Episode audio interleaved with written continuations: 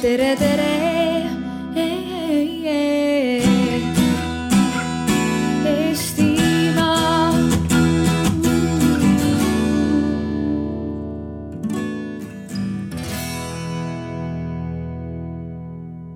See ongi märk meile, et me saame alustada oma tänase päeva ja tänase festivali viimase aruteluga siin Hea kliima alal. ja selle nimeks on kliimamuutused, kliimaviktoriin. kas muutused on võõras mure? mina olen Madis Vasser Eesti Rohelisest Liikumisest ja koostöös siis Eestimaa Looduse Fondi ja Keskkonnaõiguse Keskusega me seda ala oleme siin vedanud ja neid arutelusid kokku pannud. ja meil on täna sihukene huvitav äh, formaat, sest mõtlesime, et miks teha igavalt, kui saab teha huvitavalt. Ja see on sihukene kliimaviktoriin, et äh, see näeb välja umbes selliselt, et ma kohe tutvustan meie äh, paneliste või siis žüriid või Nemo turniiri tarkade klubi. aga kõik teemad, mis me räägime, algavad alati sellest, et me küsime publikult mingi küsimuse, mis ärge muretsege, ei ole fakti küsimus, me lihtsalt tahame teada, mis te arvate. ja siis selle teie arvamuse pealt vaatame, mis see arvamus üldiselt on. Ja siis katsume seda omavahel kuidagi arutada ja läbi, läbi hekseldada ja publik on ka ise oodatud nagu Nemo, Nemo turniiris kohaselt ka ise küsimusi küsima, aga siis samamoodi on teile ettepanek või palve, et kui te tahate midagi küsida, proovige see sõnastada niimoodi, et see on küsimus justkui jälle kõigile siin. ja siis kõik vastavad ja siis siin lava peal kommenteerime ja, ja vastame ka. et see on plaan, kuidas see läheb, me veel ei tea, sest see on eksperimentaalne formaat. aga tundub, et ilm on hea, isegi liiga hea. ja, ja lootust on aga ma tutvustan kiirelt, kes meil siin laval on. ja alustame siis Gretest võib-olla, et Grete Arro, Tallinna Ülikool, keskkonnapsühholoog, kui võib nii öelda. ja ta ütles, et ta on täna juba kahes arutelus käinud, nii et ta on väga väsinud või siis just on nüüd, nüüd saanud soojaks. et äh, lubas täiesti pidurdamatult rääkida, kui vaja. ja me tegime enne seda arutelu, tegime väikese küsitlusega oma osalejate seas, et rääkige meile midagi põnevat või vastake paarile küsimusele, siis äh, Grete, et ma küsisin näiteks, et kui teil, kui oleks võimalik nagu üks asi teha eestlastele selgeks päevapealt või nagu nüüd selle aruteluga kõik eestlased saavad pärast seda arutelu mingi asja selgeks, et mis see võiks olla. ja siis Grete pakkus välja sihukese väga vahva sõna, mis mulle hakkas meeldima, mis on äh, keskkonnahügieen et äh, see on väga sarnane äh, nagu tavalise pesemisega või hügieeniga, et aga keskkonna mõttes, et me mõtleks kogu aeg oma käitumiste keskkonnamõju peale, kui me neid teeme. ja see ei ole lihtne, see vajab harjutamist nagu samamoodi nagu käte pesemine. see vajab väärtustamist on ju, et see on oluline, saage aru, tehke seda ja, ja hästi oluline, et seda teeksid kõik inimesed. et siin on hea näide, et, et ei ole kasu, kui näiteks mõnes erakonnas on üks inimene, kes on väga suur keskkonnateadlane ja teadlik ja teised ei ole. et see on sama analoog, kui sul on lasteaias on üks laps, kelle käed on väga puhtad. perfektselt puhtad, küünealused, kõik on puhtad ja teised on lihtsalt sobas hommikust õhtuni. et keskkonnahügieen ja see on see, mida võib-olla täna siis natukene puudutame ka. ja teine on meil Lauri Klein Eestimaa Looduse Fondist kes on äh, terioloog, ornitoloog ja looduskaitsja. siin on kohe esimene viktoriini küsimus teile pea, peas mõtlemiseks, et kes on terioloog võite anda käega märku, kes teab? üks, kaks, kolm, väga hea ma ei ütle seda vastust, äkki Lauri ise kunagi räägib. Äh, ja ma küsisin Lauri käest ka, et, äh, et ühe küsimuse ma küsisin, et, et kuidas kuidas tajud, tajud sina kliimamuutuste mõju juba praegu, siis Lauri vastas, et, et ta on hakanud mõtlema näiteks selle peale või, või liigub sinnapoole, et saada välja sihukesest ökolõksust, lõksust või siis tema sõnade vooga egolõksust. et kui sa oled kuskil hea mugav elu peal, kõik on väga mugav ja käe-jala juures, et siis tegelikult see võib olla lõks.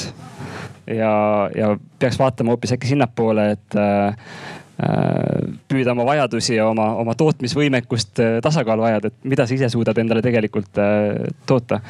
see on huvitav mõte, kuhu me jõuame täna ka. Ja teravamad nägijad on äh, avastanud, et siin on üks tühi tool ka. Äh, kes vaatas väga ammu seda üritust, ilmselt nägi, et seal on äh, pandud osalejaks Timo Palo, polaaruurija ja presidendi kliimanõunik, kes kahjuks ei saanud tulla. paar nädalat tagasi pidi ära ütlema. siis me saime asenduseks teise polaaruurija, Andres Tarandi, kes paraku eile avastas, et kuule, ta ikka ei saa tulla. nii et siin on üks küsimus publikusse, et kas meil on siin polaaruurijaid? Või teisi äh, kliimateadlasi või sihukesi loodusteaduste esindajaid, kes tahaks tulla ja asendada meie kolmandat istet, meil on mikrofon olemas. Nad on, need on mäe all kõik, teadusalal aga see, see ei pruugi, et nad tahavad siia päikse kätte tulla, et kui on keegi, kes tunneb, et tahaks ka kliimaviktoriinis äh, rohkem juttu teha, siis meil on vaba mikrofon siin nii. kas me oleme nõus sellega? jaa, palun. Äh, sa võid selle, vabatahtlik ja, ja tavainimene ka publikus, oled sa päriselt ka tavainimene? on sul mingi taust mis osa, mis osas?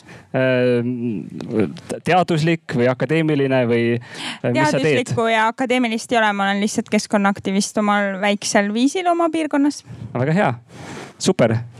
nii, tere tulemast, kuidas su nimi oli? Farishta. Farishta, nii, mul läheb see kindlasti meelest ära kohe äh, aga väga hea, meil on siis olemas äh, paneel eksperte, kas siis akadeemiast või päris elust see ei välista kuidagi. ja selle tänase arutelu eesmärk on see, et kui me küsime neid küsimusi ja saame neid vastuseid ja analüüsime neid vastuseid, et siis selle käigus võib-olla on meil võimalik leida paremaid küsimusi. et lõpuks jõuda sinna, kus äh, me oskame võib-olla rääkida nendest teemadest paremini kui praegu, et, et võib-olla eestlased ikka on vägagi keskkonna ja kliimateadlikud, lihtsalt me küsime valesti või me kommunikeerime valesti. aga siit me lähemegi edasi äh, sellega, et äh, me alustame esimese plokiga, mis on üldteadmised. ja kohe me näitame, kuidas see süsteem käib. Äh, ma loodan, et need teised, kes on minuga laval, üritavad ka siis neid vastuseid kokku lugeda. Äh, esimene on sihukene väga lihtne jah-ei küsimus sihuke üldteadmiste plokist. ärge, ärge hakake guugeldama, lihtsalt kõhutunde järgi, mis teie arvate. küsimus on järgmine kliimamuutused tähendavad, et keskmine temperatuur tõuseb kõikjal võrdselt. Kes ütleb jah, tõstab käe. ja kes ütleb ei, et ei tõuse võrdselt. Äh, ja ma pean mainima seda, et küsimused on meelega hägusad, sest siis meil on midagi arutada nii et äh, pigem ma sain, äh, et praegu nägin mina oma päikest täis silmadega seda, et enamus inimesi ikka arvas, et ei tõuse võrdselt, et ja, ja küsiti, et kus on kõikjal. nii et palun panelistid ja, ja teil on, kõigil on mikrofon vist olemas, nii et teeme siis nagu alustõed selgeks, kus see temperatuur tõuseb ja kus ta langeb ja ma siis räägin natukene.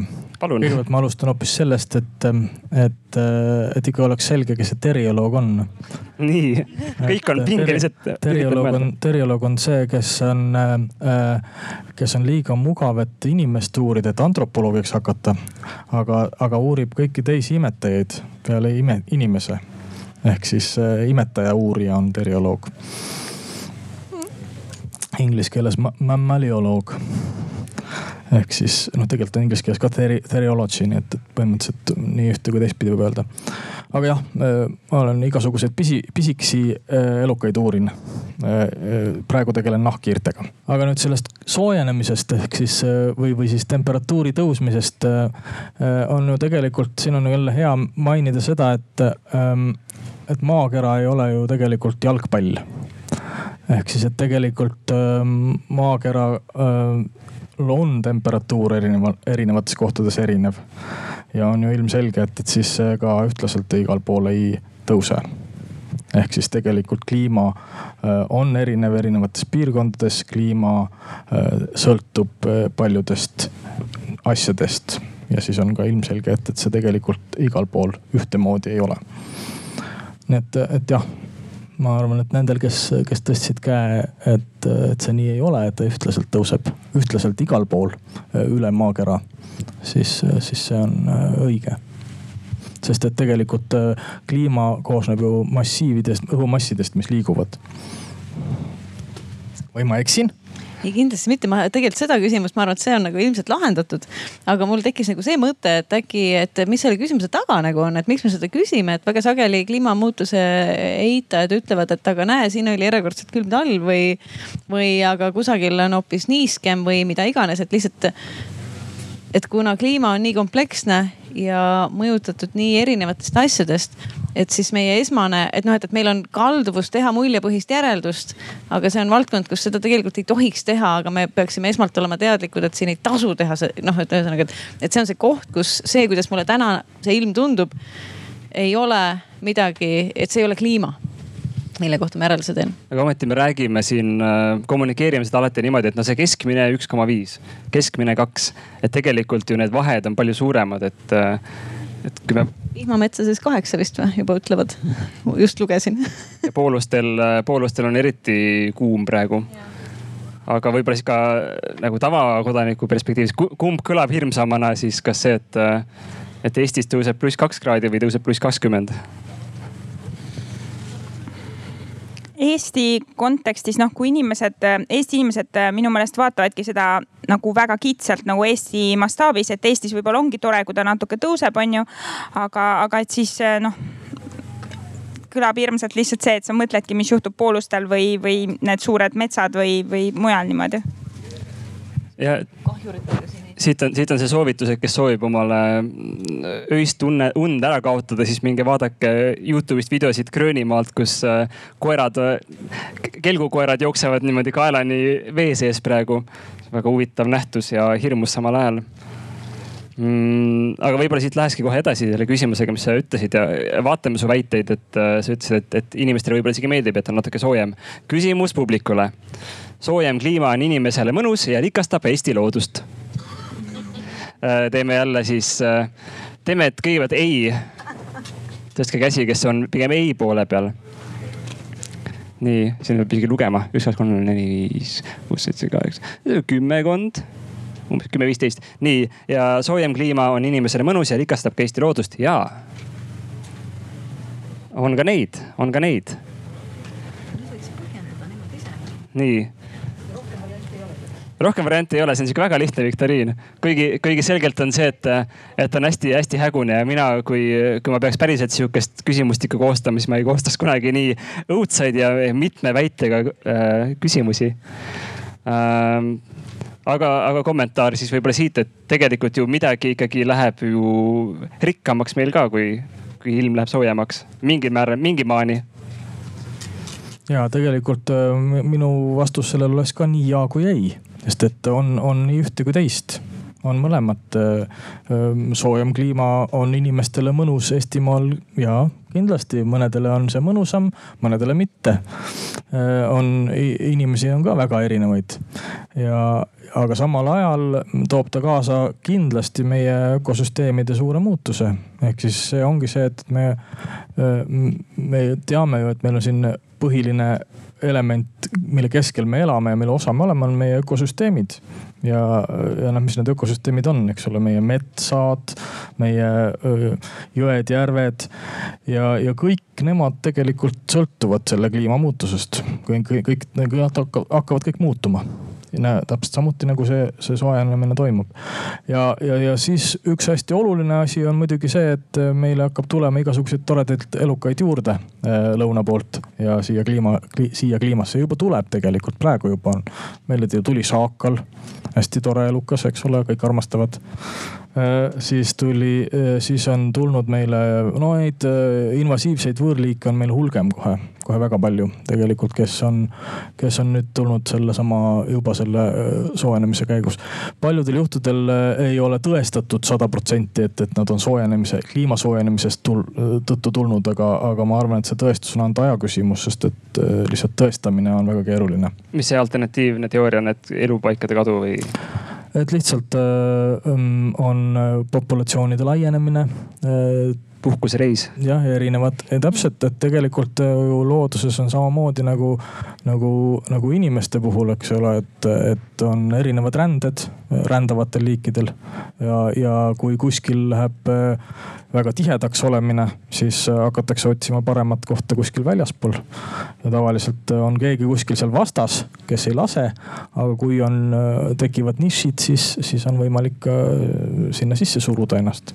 nii et, et selles mõttes on ka täiesti loomulik see, see, see muutumine, see floora ja fauna muutumine erinevates riikides, ega nad siis riikide järgi ei, ei, ei säti ennast, see loodus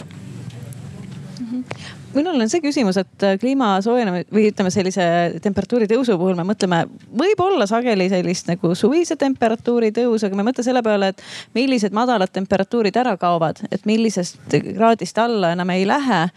ja noh, ma ei tea, kuivõrd see Eestile laieneb, ilmselt Eestile loomulikult ju ka, aga et on ju piirkondi, kus noh, et just jälle lugesin sekvoia metsade kohta USA-s, et kui teatud temperatuurist alla enam ei lähe, mis noh seostub sellesama keskmise muutusega. et kahjurid enam ei hävi ära talvel et noh, et äh, kuivõrd see Eestit mõjutab, ma ei tea, tähendab ilmselt see mõjutab, aga et, et mis täpselt, mis liike, mis kooslusi, et see on jälle asi, mis äh, noh, ei ole ilmselt mõnus, võib-olla teine see, see mõnususe teema ka, et kas inimestel on mõnusam, et äh, me teame ju ka seda, et, et meist põhjapoolsed mõned linnad, kus noh, ütleme räägitakse noh Soomest, et kui meil on lumised talved, et juba isegi liikluse mõttes mõneti on, on see kliima mõnusam võrreldes näiteks Taaniga, kus on pidevalt külm, märg ja niiske pidevalt, pigem nagu varajane november.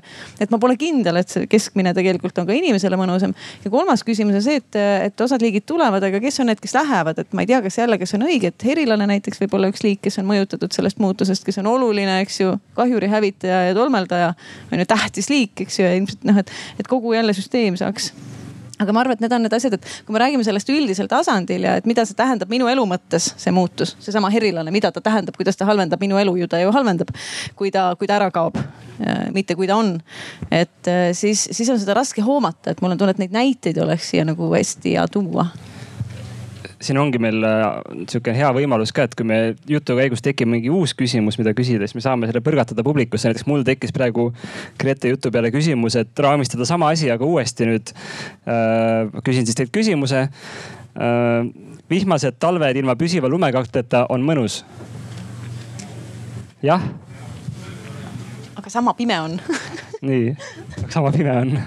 nii, ikkagi paar inimest on, on talvevihkajad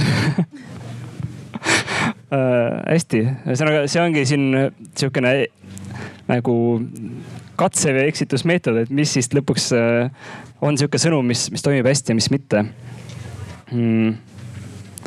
aga natukene räägiti riikidest äh,. et, et loomad ei austa riigipiire ah,. ma enne tahaks veel küsida eelmise teema kohta, et me rääkisime loomariikidest, aga taimeliigid? Need tulevad ja lähevad ka kuidagi Ta,? taimed levivad täpselt samamoodi ikka jah täpselt samuti, otsivad uusi, uusi elu, elualasid ja laiendavad oma eluala. et ega selles mõttes ainult midagi erilist ei ole. no see mõjutab inimesi ju ka, et kui see temperatuur tõuseb nii palju, siis mingisugused alad, mis praegu on elamiskõlblikud, jäävad noh, enam ei saa seal elada, need hakkavad inimesed põhja poole tulema. noh, meil siin Eestis, ma arvan, see inimesi mõjutab, sest väga paljud ei taha siia ju tegelikult võõraid ja siis, aga neid tuleb palju, sest noh, need elupaigad kaovad ära nagu muide, kas te teate, mina ei teadnud, et on olemas juba küll hästi vist väiksel skaalal, aga nagu ikkagi külmaturistid. et noh, et inimesed, kes tulevad nagu meie kanti või põhja poole nautima seda, et on niiske, jahe. ainult kolmkümmend kraadi ja või noh, või siis ka mingitel muudel aastaaegadel ja noh, et noh, need reaalsed näited on olemas, nii et, et see on äh, popp just nimelt, just nimelt ja veel siia lõppu, et kas see vastab tõele, et äh, näiteks taime kasvu kohta öeldakse ka, et, äh, et aga lume alt sulavad välja seal põhja pool ju uued alad, kuhu tuleb uus mets peale, nii hea. aga kas vastab tõele, et, et tegelikult see kiirus, millega siin allpool või lõuna pool need alad hävinevad, on tegelikult kiirem, nii et me ikkagi kaotame? oota mina ei tea, sina oled ökoloog on ju, mina ei ole. vot see äh,, sa tähendab viitad sellele, et kõrbestumise kiirus on suurem kui, kui sulamis äh, või kui siis äh, jah, sulamiskiirus. jah et äh, vot seda, selle kohta ma ei oska, mul ei ole praegu head ühest vastust. siis jääb guugeldamiseks. jääb guugeldamiseks, aga põhimõtteliselt on, on küll, fakt on see, et, et, et kõrbestumine on lõplikum kui, kui sulamine ehk siis, et sulamise tulemusena tuleb uus ökosüsteem peale, aga kõrbestumise tulemusena praktiliselt sellele alale uue ökosüsteemi looduslik taasteke on väga raske, ehk siis tegelikult enamasti tuleb seal inimesel sekkuda ja, ja, ja see, seda taas, taasasustama hakata jah, et see kõrbestumise puhul võtaks lihtsalt väga kaua aega, onju. aga kui, kui lugeda seda Tar, Tar Jamaili raamatut, kes käib ümber maailma ja räägib teadlastega kohtades, kus need teadlased uurivad kohalikke ökosüsteeme, siis noh, noh näide Alaskalt onju. et äh, liustikud sulavad ära, onju, noh, see on lihtsalt väike fakt, et kuuskümmend, vist kuuskümmend protsenti inimkonnast joob äh, liustikuvett onju, nad, see kaob ära, liustikuid enam taas ei teki, onju, kuna sademete muster muutub. noh, see on nagu väike teema, aga et äh, kui, kui nagu see ökosüsteem seal muutub viisil, et tõepoolest teistmoodi taimed, taimed kasvavad suuremaks, kuivaperiood suvel on pikem. Äh, jah, et tundubki, et oi-oi, nüüd on rohelisem, vaata kui vahva, rääkimata sellest, mis juhtub muidugi jõgedega, et, et kus, kus need forellid saavad neid kuumašokke ja, ja et ütleme, kogu see mäestikuvesi, mis toitis kogu all olevat ökosüsteemi, muutub täielikult. aga mis minu jaoks oli nagu õõvastav fakt, äh, et need mäed põlevad ära kuna kuumaperiood on pikk, puud kasvavad suuremaks ja nad süttivad ühel hetkel, nad lähevad põlema. ja siis seal lihtsalt on tohutud põlenguid, nii et, et see on nagu see, et, jah, me võime mõelda, et väga tore, et vegetatsioon astub põhja poole. aga see ei ole võib-olla päris nii kena, et äh, noh, muidugi tuleb suksessioon ja nii edasi, aga et, et neid negatiivseid mõjusid on ilmselt rohkem kui see, et mõned puud läksid, kasvasid suuremaks või siis äh, kasvasid natuke kõrgemal mm. -hmm. tegelikult on siin veel see aspekt, et, et üks ökosüsteem, nagu suksessiooni mainisid, üks ökosüsteem kujuneb välja väga pika aja jooksul, eks ole. suksessioon on äh, jah, küsi, küsi rahva käest, mis tähendab suksessioon, kui kes teab, mis tähendab suksessioon? esmane ja sekundaarne jah, et, et, et tegelikult kui nüüd jah see lühidalt öeldes ongi jah, just, et erinevad, äh, kui kuskile alale hakkab kujunema mõni ökosüsteem, siis on, ta läbib erinevad, erinevad arenguetapid, erinevad kooslused ja lõpuks ta jääb püsima ühe mingi kindla kõige kõige lõplikuma koosluse ju, tüübi juurde, mis Eesti metsades näiteks on laanekuusik. aga, aga et pärast seda muidugi hakkab kõik see ring jälle otsast peale ehk siis tegelikult, aga, aga, aga see, see on nagu see kõige lõplikum, lõplikum ökosüsteemi kooslus, koosluse tüüp siis on see suksessioon aga mis ma tahtsin öelda, on just see, et, et tegelikult ähm, kõige ähm, äh, looduses ei toimu need asjad sellise tempoga, nagu inimene on harjunud oma elus äh, tegema. et kui me aeda istutame midagi, kujundame omal peenart, siis me mõtleme, et oh, see on ju nii lihtne, mis siis on. et äh, las sulab seal ära, eks ole, kasvab sinna uus äh, ja tulebki asemele, aga tegelikult see võtab sadu aastaid. ja, ja nüüd küsimus ongi, et mis selle saja, sadu, sadade aastate jooksul veel toimub maamuna peal, kui seesama soojenemine jätkub või, või toimub veel mingisugused muud protsessid, siis tegelikult see, see igal juhul kogu see kvaliteet äh, langeb ikka hoogsalt. ja, ja kõige püsivamad ongi need välja kujunenud ökosüsteemid äh, kliimavöötmetes. tegelikult meie, miks meil on hea elada, meie, meil siin Eestis, et, et meie paras vöötmekliima on lihtsalt tegelikult kõige parajam. ehk siis ta on, kui meil on neli aastaaega, meil on kõige keskpärasem äh, olemine. ja, ja, ja looduses üldiselt kõige keskpärasem on kõige püsivam ja kõige mõnusam. Äh, aga tavaliselt inimene kipub, äh, ma saan siin ära öelda selle, mida ma juba tegelikult tahtsin algusest öelda, et inimene kipub äärmustesse oma olemuselt. ta tahab saavutada mingisuguseid äärmuseid, ikka paremat ja paremat. ja, ja sellega ta lõpuks jõuabki sellisesse olukorda, kus ta ühel hetkel ise üllatub, et oi, äh, ma sain küll parema, aga, aga näed, kaotan selle kõik korraga ehk siis tegelikult see keskpärasus on, on, on, on looduses sätitud ja sellepärast ka need ökosüsteemid on, on need nii-öelda igiliikurid, millest me võiksime vabalt või peaksimegi tegelikult õppust võtma, et, et, et need on need püsivuse näitajad meie jaoks, et, et selline koostöö nagu ühes äh, laanekuusikus erinevate liikide vahel toimub. sellist koostööd võiksime meie oma öö, keskkonnas ka hoida. ja siin oli mitmesugust äh, kliimakommunikatsiooni nüüd, osad sõnad olid väga keerulised, osad äh, äh, sõnumid olid väga pika aja peale. ma arvan, et üks tegelikult, mis sul tuli korraks, mainisid sõna kuumašokk või? oli. et minu jaoks õõvastav oli sellest suve uudis, kuidas Prantsusmaal said päris mitmed inimesed kuumašoki, kui nad läksid merre ujuma või randa ujuma. sest väljas on temperatuur nii kõrge, su keha köetakse nii kuumaks ja siis sa hüppad sulpsti vette ja siis see on šokeeriv su keha jaoks. nii et, et need inimesed ei tulnud enam veest välja. et, et see on väga nagu lähiaastate stsenaarium on ju Eestis ka võib-olla jah, ja see on nagu see, mis on meil lähedal, et see teine jälle noh, ütleme, et minna. mul on nagu tunne, et noh, on ju planeet on nagu kuidagi noh, ta on nagu lähedal meile on ju kõigile lõpuks, eks ju, et see mõju, mis meil on. et jah, et, et üks on jah see, et me tajume seda võib-olla ujuma minnes, aga teine seesama kuumašoki või, või kuuma, kuuma stressi tegelikult mõju näiteks piirkondadele, kus on äh, korallid, mis seda kuuma ei talu ja siis tegelikult suures osas täna hävivad ja siis kui mõelda, et et see tegelikult, see tähendab kogu nende piirkondade ökosüsteemi kollapseerumist või noh, suure osa, et kuna väga paljud liigid, ma saan aru, sa korrigeeri mind, kui ma eksin, on ju, väga paljud liigid neist toituvad nagu toiduahelas ja siis mõelda selle peale, et otseselt väga paljude nende piirkondade inimeste toidulaud kaob ära, noh ikkagi nagu kaob ära, sest noh, pole süüa on ju, et, et kaladel noh, et ühesõnaga toidu vahel midagi teha ei ole. ja kaudselt eh, siis ilmselt kogu maailma toiduhindu mõjutab. et siis see nagu siis see kuuma stress või, või ülepiirilised temperatuurid, mis praegu on eh, fakt omandavad minu jaoks veel ka teise värvingu, et noh, mul on ka ujujatest kahju, aga koralli, korallide kadu tegelikult tuleb suuresti ka vee pH, vee happelisusega muutusest, ehk siis tegelikult nad sulavad. aga, aga on omaette veel üks hästi suur oht. meil õnneks, noh, me jällegi, meie kliimavööde on selline, kus meil koralle, meie, meil on omad korallid muidugi olemas, oma, aga see on teine teema. aga põhimõtteliselt meil selliseid korallirihve ei ole, mis meie saari kaitsvad, kaitsevad, aga saareriigid ookeanides hakkavad kaduma. ma kuulasin ühel ühel rahvusvahelisel seal bioloogilise mitmekesisuse konventsiooni koosolekul äh, tõesti väga kurba äh, Saalomoni saarte esindajat kes tuli, ütles, et, et tõsi, tõesõna, tal olid pisarad silmas ja ta ütles, et ta ei tea, kas ta kodu, koju minnes tal on kodu alles või ei ole. ja põhjuseks on see, et, et korallirifid ümber nende saarte, kus nad elavad, kaovad ja tormid viivad lihtsalt saare minema. väga lihtne, et, et tegelikult ja, ja veetaseme tõus käib sinna juurde veel lisaks aga meil siin, kui nüüd tormidest ja veetaseme tõusust rääkides, võib-olla sa tuled selle juurde hiljem, et, et ma siis praegu sellest rohkem ei räägi. ma juba muretsesingi, et sa näed mu ekraani et, et kui see oli sihuke, ütleme baasteadmiste plokk või kontrollimise plokk, kus sai rääkida, et globaalsel tasandil on asjad päris halvasti, siis meie arutelu pealkiri on, et aga see on ju kaugel, on ju, see on kuskil, on ju mingid saareriigid kuskil äh, Filipiinidel, et äh, kurb, aga nad on kaugel. et kui tooks nagu selle küsimuse rohkem kojule lähemale, kodule lähemale, et siis on järgmine plokk, mille pealkiri on mul äh, keskkonnakatastroofi plokk.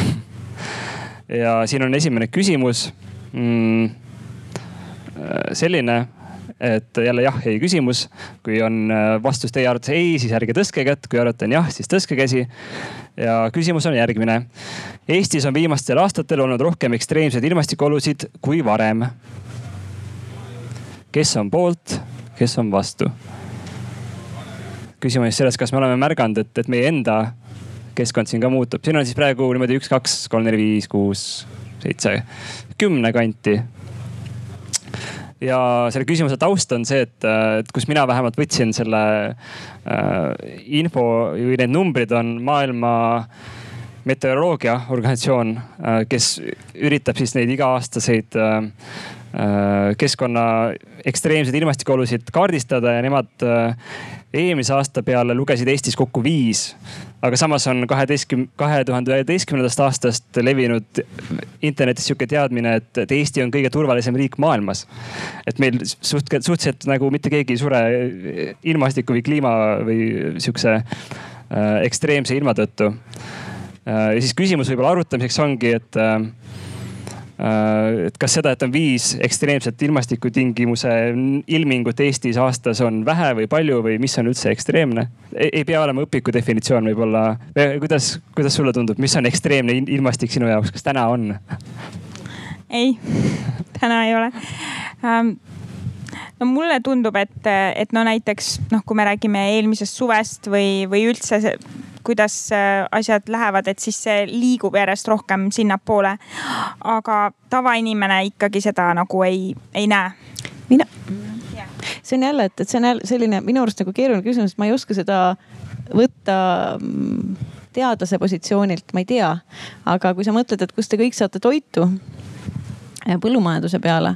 et sest kahjuritest või, või erinevatest liigikoosluste muutumisest me juba rääkisime, mida noh, kus ma saan aru, et me ise ka sekkume sinna hästi suure hoolega viisidel, mida me ei peaks ja, ja mis on väga tüsilikud. aga noh, et kui me mõtleme kasvõi loomasööda varumise peale, mis eeldab äh, tegelikult seda, et kui, kui sademed näiteks suurenevad ja ja võib-olla ei ole alati enam nii lihtne teatud asju varuda, millest, mis on kaudselt kogu aeg meil nagu olemas, aga, aga see ei, ei pruugi niimoodi jääda. et noh, et, et see on nagu küll küsimus, millele võib-olla põllumees mõtleb no,. eelmine, eelmine aasta oli ju see, et lihtsalt heina nagu ei olnudki. Rootsist osteti siia, siit sisse ja nagu jäigi puudu jah, et kui see, kui, kui palju teda kasvab, eks teda saab üldse sealt kätte, aga jah.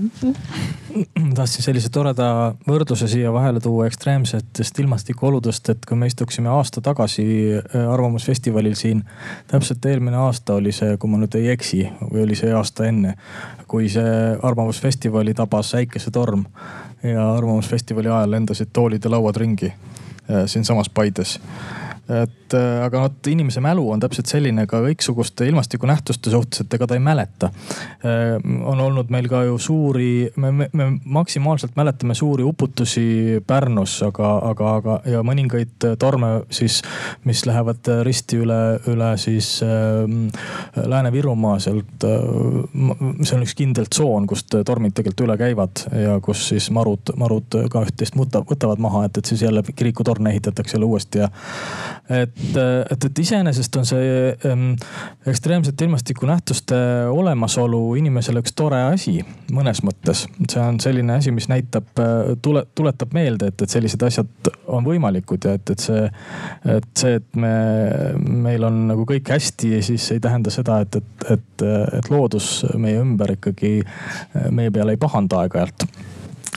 aga eile hommikul Arvamusfestivalil ka oli sihuke potentsiaal, et toolid hakkavad lendama, et võib-olla see on nagu normaalsus, uus normaalsus, et iga aasta Arvamusfestivalil toimub mingisugune orkaan väike. ja siis Meenutus, nagu. meenutusorkaan. et mis, mis hetkel see enam ei toimu isegi selle meenutusena, sest see on juba nii norm, et, et imelik on, kui ei ole, et siis on kliimamuutus järsku, et on normaalseks läinud aga iseasi on see, kas me seda tegelikult tahame, et, et noh, ma arvan, et me siiski inimestena pigem seda ei tahaks. et sellised asjad meid meenutaksid, meil, meile meenutuseks aeg-ajalt tuleksid. Ja järjest tihemini, sest tegelikult see kliimamuutus ikkagi toob neid äh, järjest tihemini arvestada siin ju, me peaks arvestama siin ka seda, kust meie ilm tuleb et äh, kust kaudu meie ilm tuleb. et, et siin on suuresti mängus golfi hoovus, et siin on suuresti mängus Atlandil tekkivad ühes kindlas kohas tekkivad äh, tsüklonid, mis tegelikult viivad sealtsamast paigast äh, teisele poole äh, USA-sse orkaane et, et tegelikult me kindlasti ei tahaks seda, et see seal kõik pöörduks kuidagi teistpidi ja need orkaanid hakkaksid hoopis siiapoole tulema üle Euroopa näiteks mul on ka küsimus, see on nüüd küsimus võib-olla siis kõigile spetsialistidele, kes teavad. et äh, me teame ka nagu metsa või vegetatsiooni kliimat või sademeid reguleerivat mõju. Et kuidas, kas keegi teab, et kuidas nagu omavahel äh, nagu kumuleeruvad või interakteeruvad äh, nii-öelda otseselt kliimamuutuse efekt ja siis deforestatsiooni mõju eri piirkondade siis ilmale see on siis, ma saan aru, küsimus publikule. jah, ei küsimus, te olete eksperdid. äkki Lauri ka võib-olla teab, ma ei tea, või publik et äh, kas kliimamuutused ja, ja metsade üleraie võiks olla seotud? Mahavõtmine viisil, et sinna ei tule võib-olla väga ruttu tagasi mets kui selline aga tuleb midagi võib-olla muud, tuleb monokultuur võib-olla. et meie laiuskraadis ilmselt, kui, kui põldu ei hari, siis tuleb sinna mets ja, ja seal ongi mets, et äh, ilmselt rohumaid meil siin ei ole ju äh, pikas perspektiivis, et see on nagu selge. eks, aga sa küsisid, et kas kliima muu.... kas kliimamuutus interakteerub, ehk siis interaktsiooni efekt selles mõttes, et, et eraldi võib-olla, ühesõnaga, et kui need juhtuvad, kaks asja juhtuvad korraga. et kas see võimendab seda mõju nii-öelda, ütleme näiteks siis sellele, mis toimub äh, kusagil paikkondades ilmaga. jah, aga no mõtleme, mis meil siin Eestis on ja me mõtlesime, et kas meil läheb siin soojemaks või külmemaks, eks, et alguses oli küsimus, et kas meil läheb külmemaks või soojemaks.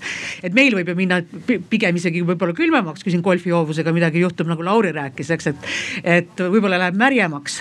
ja, ja võib-olla kui läheb natuke märjemaks ja natuke soojemaks, võib-olla kasvab siin isegi kokkuvõttes isegi rohkem ja kõrgemaid ja suuremaid puid. eks, et võib-olla see polegi otseselt deforestatsiooniga äh, äh, äh, seotud, eks, et siin. ma ei mõelnud Eestis tegelikult. ja et, et ja, igal pool ütled noh. noh, et kui kuskilt otsast peale hakata, et selle küsimuse vastamisega, aga no selge on see, et need suksessioon või need kliimakskooslused, mis on vihmametsadena mm, -hmm. et nende asemel sa, kui, et midagi sellist välja kujuneks, eks, et äh, sinna neid ei teki, eks, et ma arvan, see on see pool vastusest, mida sa ootasid. kas keegi tahab veel midagi öelda? ups nüüd me oleme sihukesel ohtlikul alal nagu keskkonna ja metsapoliitika aga kas sellel pole mitte positiivne vastus juba ammu olemas? et raudselt metsade maharaiumine mõjustab kliimat sinna suunda, kuhu me mitte ei soovi. et siin, noh, kas see enam üldse ongi diskussiooni küsimus? Jah, ei, ma arvan, et see küsimus oligi võib-olla natuke retooriline, et, et küsimus ongi see, et noh, et need on need valdkonnad, kus me teame, aga ega me midagi nagu ei tee, kui vaadata globaalselt seda, mis, mis metsaga toimub. no just siin ongi tegelikult see aspekt, et see, see, see küsimus, eks ole, kui see esitada globaalselt, siis on üks vastus, kui see esitada lokaalselt, siis võib-olla veidi teine vastus. aga, aga üks on selge, et, et metsa öö, roll kliima kujundamisel on kahe, vaieldamatult täitsa on, on on võimatult kõrge. ehk siis tegelikult mets on äh, veesiduja ja, ja veeringes täiesti omal kohal. ehk siis mets, mets, proovige, võrrelge kahte väikest katset kasvõi, et taimestatud mingit kasti, kust te kallate vee läbi ja ilma taimestamata pinnasega, samasuguse pinnasega kasti kallate vee läbi. kummast tuleb vesi kiiremini läbi äh, sellest kastist, taimi ei ole, eks et, et, et igal juhul on kõik, see on vee sidumise mõttes on igal juhul ka meie metsad võiks omamoodi nimetada omamoodi vihmametsadeks, eks ole, sest tegelikult tegelikult nad, nad peavad vihma kinni. ja, ja, ja selle tõttu toimub näiteks meil kõrbestamise teemal on meil hästi lähedal seisevad asjad on linnades alad, kus ei ole üldse, suured alad, kus ei ole üldse näiteks taimi või ei ole üldse ka puid. siis, siis seal on nagu seda kõrbestamist väga hea jälgida jah, et, et see võib olla lihtsalt teema, mida on võib-olla hea nagu teadvustada, et nad tegelikult on seotud, et kui me oleme hästi võib-olla mingis mõttes nagu mõnikord mul on tunne nagu kliimakesksed. aga seal on muid protsesse ka, mis kõik võib-olla võivad eskaleerida sündmuste kiirust ja. ma natuke täiendaksin veel, tähendab just seda aspekti, et lokaalne ja globaalne noh, mis Eestisse puutub, ütleme lokaalne, see tähendab seda, et mets võetakse maha ja hakkab kohe kasvama uus mets, mis seob süsinikku paremini, kui see vana mets enne sidus. Aga globaalselt lugesin hiljuti huvitavat äh, materjali selle kohta, kuidas antiikmaailmas juba võeti metsad maha, sest seal oli elanike tihedus ruutmeet-, ruutkilomeetri kohta tunduvalt suurem kui meil ka praegu. Ehk äh, sinna ei hakanud enam uut metsa kasvama, vaid sinna läksid kitsekesed peale, kes sõid ära ka need tärkavad puuvõsukesed jah, selle kohta mul on väga hea näide, ei peagi minema antiikmaailma, vaid äh, vaadake Islandit. Islandil oli kunagi laialt, Islandil kasvasid kunagi laiad metsad need metsad võeti kõik maha, siis pandi sinna kitsed, sest ilus muru oli igal pool. kitsed sõid muru, see ülekarjatamine, totaalne ülekarjatamine toimus. Nad sõid kõik muru ära äh, ja tuli erosioon, viis ka viis ära ka viimase pinnase. ja, ja tegelikult ei hakanudki sinna mitte midagi kasvama, nüüd nad näevad suurt kurja vaeva, taasmetsastavad, püüavad uuesti oma ala taasmetsastada. ja lisaks sellele on Islandil väga huvitav näide see, et, et kuidas, mis toimub väikeses kogukonnas, et väikses kogukonnas toimuvad asjad suurte eh, noh suur, suurprojektidena, mis on suunatud kitsalt äh, silmaklappidega mingi kindla asja jaoks äh,. näiteks pärast seda, kui nad olid äh,, kui neil oli äh, ka pinnas ära viidud, siis esimese asjana, mis nad, äh, et pinnas tagasi tuleks, nad hakkasid lennukitelt äh, külvama lupiini. kuna see on hästi kergesti äh, juurduv taim ja neil on suured sinetavad lupiiniväljad siiamaani, sest et see taim jällegi ei kannata enda kõrval ühtegi teist ja, ja sinna ei tekkinud mitte midagi. Nad mõtlesid ainult ühele aspektile, et kuidas saaks kiiresti mulla tagasi. aga nad ei mõelnud, et, et mida nad täpsemalt tegema peaksid, ehk siis nad ei vaadanud jälle komplekspilti. enamus asjadel, otsustel, mis me, me, kus me vigu teeme, me vaatamegi ainult ühte aspekti. sama lugu on sellesama metsandusega, kui me vaatame seda ainult puidumajandusena, siis me läheme kohe rappa. ja tegelikult aastasadu on vaadatud metsa kui puidumajanduse kohta ainult. nii seal ma näen taga on küsimus, aga kas su küsimus on metsanduse teemal? siis ma, tee palun lühidalt, sest meil oli terve, eilne päev oli väga metsanduse teemaline. ja tead, mitte, mitte, ainult nagu metsanduse ja niimoodi, aga just selle karja kas-, kasutamise ja sellega, et kui üle, üle kakatada, siis on ühelt poolt nagu no on, on see piir, et kui palju nagu kahjat seda kasvatada, kui, kui neid kahjuloomi üldse ei ole, siis see jällegi soodustab kõhvestumist, kuna need loomad, loomamassid, kui liiguvad, on ju, siis nad nagu teevad selle mulla nagu selliseks too sinna elu, elu ütleme nii ju v. võib-olla kiirelt siis kogu selle metsanduse ja põllu ja maa teemal kas keegi teist on lugenud läbi seda viimast värsket artiklit või, või uuringut, mis neil teemadel maakasutuse just tuli, maakasutuse teemal, äkki saab põhjapanevalt vastata tänaseks sellele metsanduse teemale ära? või te ei ole lugenud? see uus IPCC. kas seda vist refereeriti ka? Ma ei ole veel tutvunud ja seega ma ei võta sõna. aga mul on tunne, et äh, kui see on see, mida sina, sina viitad, võib-olla nüüd ma lähen selles mõttes selle viitega rappa, et minul tuleb meelde praegu see metsandusuuring, mis tehti, aa ei, see oli vist see, mis tehti meil.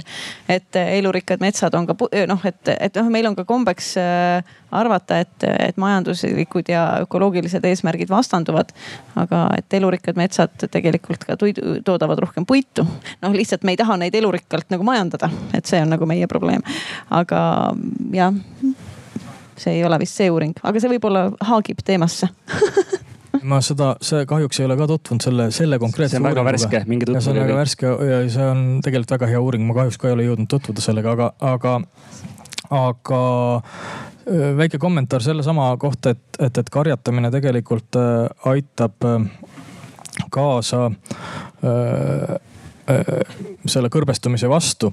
et tegelikult jah, see sõltubki, millises faasis on meil see maa et kui see maa on ja millises maailma piirkond, millist maailma piirkonnast me räägime. kui me räägime Eestist ja parasvöötmest, siis tegelikult on nagu, nagu Kaia õigesti ütles, meil kasvab alati siia mets. kui me jätame selle öö, seisma, siis sinna kasvab mets. et kui on pinnast täielikult läinud, ütleme, meil on liivane ala, mida on aastasadu, noh, meil on ka siin neid liiviku näiteid tegelikult nii Hiiumaal kui ka siis Põhja-Kõrvemaal on, on, on selliseid kohti, kus on, on, on põlengutega ja kõigega ja sõja, sõjavägi on toimetanud. et tegelikult äh, ka nendesse kohtadesse, see võtab lihtsalt rohkem aega, aga kasvab lõpuks mets, kui ei puutu seda. Äh, küll aga jah, kui sa, kui seda, kui sinna lasta loomad, ütleme peale, siis see mets kasvab sinna rutem sellepärast, et äh, sinna tuleb mutem muld. Sest et nad ju tegelikult kõik lasevad endast ju välja, mis nad mujal söönud on, ehk siis tegelikult, aga samas on vaja neid enne seal toita, eks ole, et, et nad peavad kuskilt midagi sööma. nii et, et, et tegelikult ja see, see, see nii-öelda siis, et, et nad oma käigurada sõrdadega või siis äh, sõrgadega seda läbi ajavad, siis see on väga õige. mis puudutab juba siis püsirohumaa teemat, et kui on püsirohumaa, siis rohumaal on õiges äh, äh, arvus äh, siis äh, äh, karjatamine ongi kõige parem selle püsirohumaa liigirikkuse hoidmiseks. nii ja praegu väga kiire kommentaar sealt.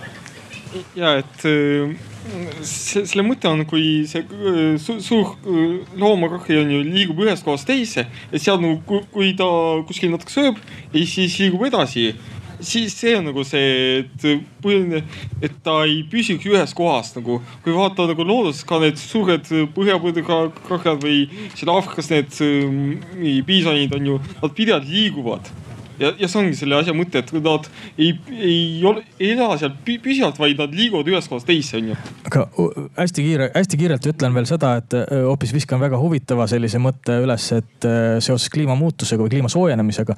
Eesti aladel on ju kunagi olnud laialdased tammikud, enne inimest elasid siin suured karjad ürgveiseid ja, ja, ja, ja, ja ürghobuseid, kes tegelikult liikusid siin laiade, laialehistes metsades ja tammikutes ka siis siis oli tegelikult see siin metsavöönd, ehk siis tema, nemad hoidsid seda sellise pargilaadsena. ja just nimelt see oligi tegelikult, et võib-olla seesama soojenemine toob tegelikult sarnase äh, võimaluse siia tagasi. Äh, aga noh, loomulikult me, see on ei tule kuskilt äh, suvalisest kohast muidugi siia neid tarpaneid ja, ja, ja, ja tarvaid, eks ole, aga, aga, aga, aga iseenesest see võib muuta meie kliima ulatuses täiesti uued, uued horisondid võivad avaneda selle koha pealt mm. muidugi.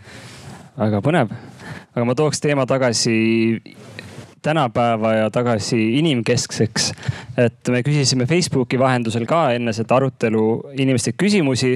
Äh, üks nendest küsimustest, mis läks siis Facebooki äh, seinale, oli see, et äh, mitu protsenti Eesti elanikest nõustub, et kui inimkonna tegevus jätkub praegusel kujul, satume peagi ökoloogilisse katastroofi ja siis oli küsimus inimestele, et mis te arvate, et mitu protsenti Eesti elanikest võiks arvata niimoodi, et äh, kui me praegusel kursil jätkame, jõuame ökoloogilisse katastroofi. ja seal olid kõige populaarsemad vastused olid, äh, meil oli valikvastustega küsimus oli ja kõige populaarsemad olid, et äkki seitse, äkki seitseteist protsenti või viiskümmend viis protsenti kuskil seal, seal peal aga õige vastus äh, faktiliselt on eelmise aasta keskkonnateadlikkuse uuringu kohaselt seitsekümmend neli protsenti. et seitsekümmend protsenti, seitsekümmend neli protsenti tuhandest inimesest arvas, et äh, kui me jätkame praegusel kursil, me jõuame ökoloogilisse katastroofi.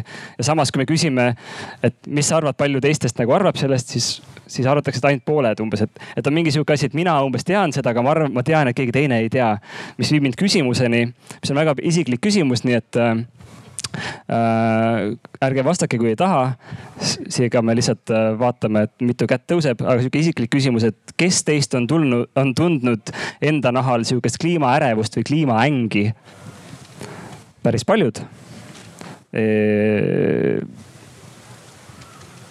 kuidas kommenteerida? kas, kas see on õige vastus ähm, mulle tundub, et äh, miks noh, seda niimoodi arvatakse, et okei okay,, et mina tean, aga teine võib-olla ei tea, on see, et see ei paista välja, ei paista välja, et me reaalselt midagi oleksime valmis tegema, et seda nagu muutma oma noh, tarbimisharjumusi või käitumisi. Aga kuidas need, kes siis nagu on seda tajunud ja teavad seda, et kuidas nemad siis selleni jõuavad, et kui tõesti, kui ma vaatan ka täna siin ringi, kuskilt otsast ma ei näe, et meil oleks kriis, kuigi ma just nagu hommikul lugesin maailma teadlaste nüüd juba üle seitsme tuhande allkirja äh, järgmist nagu teadustööd, mis ütleb pealkirjas, et meil on kliimakriis äkki see on natuke nagu see, et äh, oletame, et sul on mingi halb äh, nagu tervisekäitumine on sinu elus. ja sa tead tegelikult, et see ei ole mõistlik ja sulle võib arst olla öelnud, et kuule, kui sa sel kursil jätkab, jätkud, siis on tõenäosus, et läheb halvasti. või siis, et on päris kindel, et läheb halvasti, aga kuna sa kohe seda ikkagi ju ei taju, on ju siis, äh, siis on jube lihtne tugineda sellele tundele, mis on siin praegu kohe. Et, et see võib olla põhjus selleks, miks, miks kõik ei arva, et läheb halvasti, aga teine mõte, et miks on see, et miks me arva-, miks me alahindame teiste sellist ängi, teiste kliimaängi. et ja, ja äkki, et miks me sellest avalikult siis ei räägi kõik omavahel, me võiks ju tegelikult kõik rääkida kogu hommikust õhtuni rääkida kliimast, kuule, kuidas noh, täna, kuidas täna on kliimaängiga, mis sa oled teinud, et vähendada seda või, või parandada olukorda. on inimesi, kes ka seda teevad. ja on inimesi, kes teevad, aga, aga mina näiteks tunnen, et kui ma teen seda teatud ringkondades, siis noh, mind ei kutsuta enam pidudele kellel on seda juhtunud? on ju jälle tuleb see, et äh, nagu teeskle rohelist Grete tuleb. et, äh, et, äh, et ma arvan, et seal taga võib olla see, et me ei usu üksikindiviidi muutuse, muut, muutmisvõimesse. et seda on uuritud ka teaduslikult, selline perceived consumer efficacy.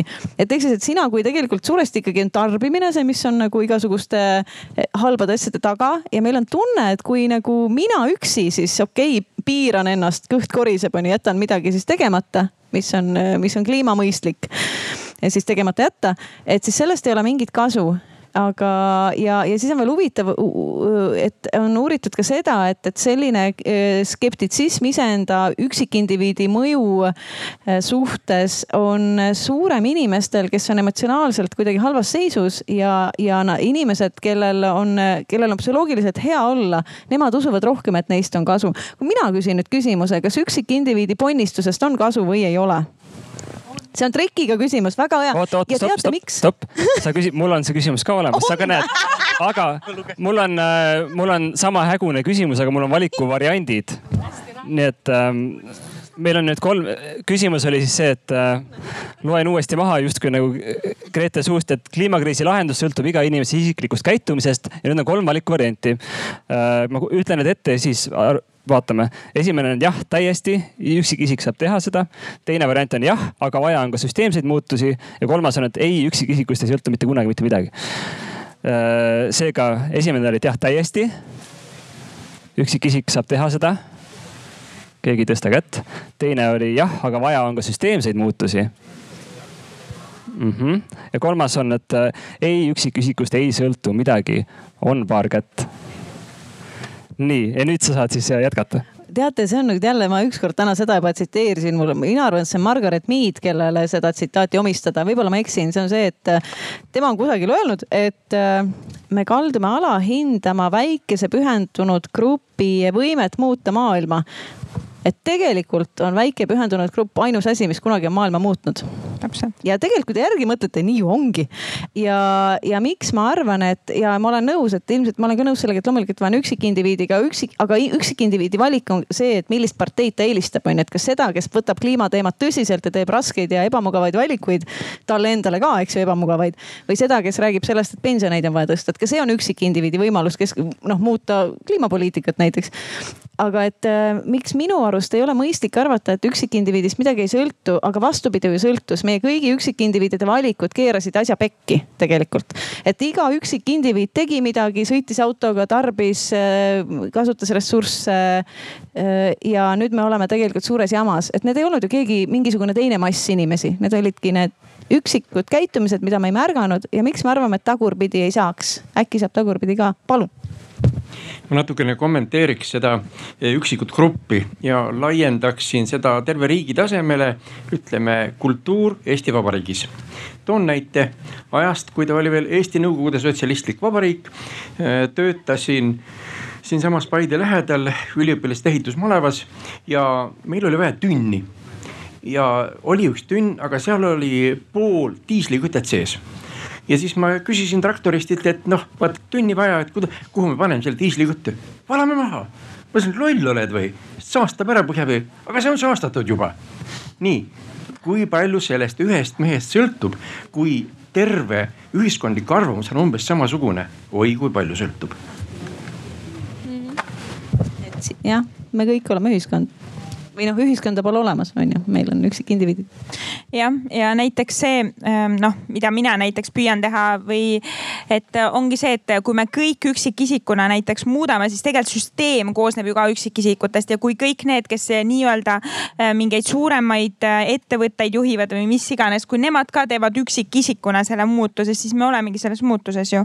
ja teine asi, kui me oma tarbimisi kõik muudame, siis äh, noh, ei ole mõtet toota, kui keegi ei osta nii seal äh, saaks kuubiku sinna taha loopida. seal on, äh, ma arvan, me saame kohe ühe reaalsuskontrolli. tere, süsteemi teoreetiline reaalsuskontroll ütleb seda, et süsteemis siin ma arvan, keegi ei ole tegutsenud selle eesmärgiga, et keerata kliima pekki.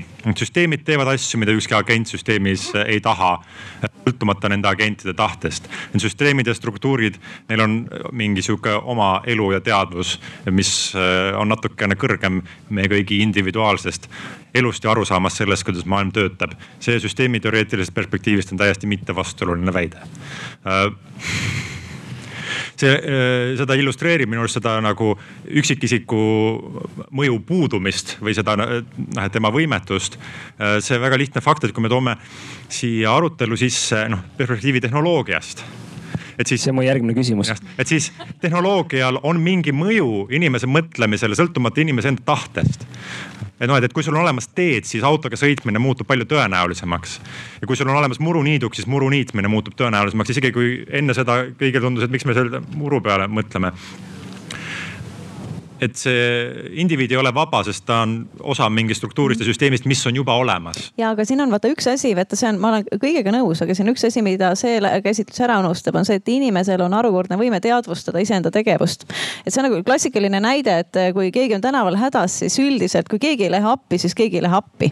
ja siis, kui sa teadvustad, et teate, inimestel on kombeks mitte minna appi, kui keegi ei lähe appi, kui sa teadvustad seda, siis sina lähed appi. ja et meil on tegelikult ka võimalus teadvustada iseenda tegevust, noh, see on selline noh, võime märgata ja mõelda, mis ma tegelikult praegu teen, et stopp on ju, stop and think. ja see on hästi raske, seda on raske sisse lülitada, aga see on võimalik ja tegelikult me näeme kogu aeg ümberringi inimesi, kes seda teevad. mis ütleb, et kui see on võimalik osade puhul, siis, siis see on võimalik. aga noh, et, et miks seda kõike ei tee, see on küsimus, et kuidas tekitada tead, teadvustamist. Eh, abstraktselt, abstraktselt see absoluutselt on nii, aga lihtsalt selles konkreetses kontekstis, kus me räägime sellest üheteistkümnest aastast ja kliimast, siis lihtsalt sul ei ole neid alternatiivseid käitumisvõimalusi, sest see struktuur ei luba teistmoodi käituda piisavalt palju, et see oleks piisavalt oluline, piisavalt selle antud aja jooksul. ja et selles mõttes praegu minu, minu mõte pole ka, võib-olla ma ise ka ütlesin, et, et üksikindi valikuid, ma ei pidanud silmas tegelikult valikuid, eh, tema enda personaalseid valikuid, vaid üksikindi võime seda süsteemi mõjutada, et ma arvan, et see on olemas, et üksikindiviid teadvustades, et asi on süsteemis, saab võib-olla noh, tellida teistsugust süsteemi, aga see võib võtta aega, aga seal ongi see, et, et, et süsteem saab muutuda, kui me märkame, et selles on suur viga, on ju. et kui me täna oleme teadvustanud tänu teadlastele, et aa, okei okay,, on ju, me teadlikult meelega ei teinud seda asja. aga nüüd nii on, et seosed on tagantjärgi tuvastatavad, et noh, meil on nüüd valikud teha midagi teisiti kuulge, aga äh, ma ei tea, võib-olla ma olen nagu naiivne, aga, aga, aga tehnoloogia mõtleb ju välja ka üksikindiviid äh,. ühiskonda juhivad üksikindiviidid äh,. valitsuses on meil üksikindiviidid. kui me, ma enne tõin selle näite siin sellest Saalomoni saartest, et kui põhimõtteliselt selle riigi peaminister äh, kaotab oma maja uputuse tõttu, siis ma arvan, et hakkab teistmoodi mõtlema. et tegelikult küsimus on ilmselt pigem selles, et millises faasis me parasjagu oleme selle, selle, selle kriisiga. et me meie kriis, kui kriis ei puuduta meid endid, üksikindiviide, siis me ei taha tunnistada ka seda praegu, eks ole, et, et see kriis üldsegi meie põhjustatud on.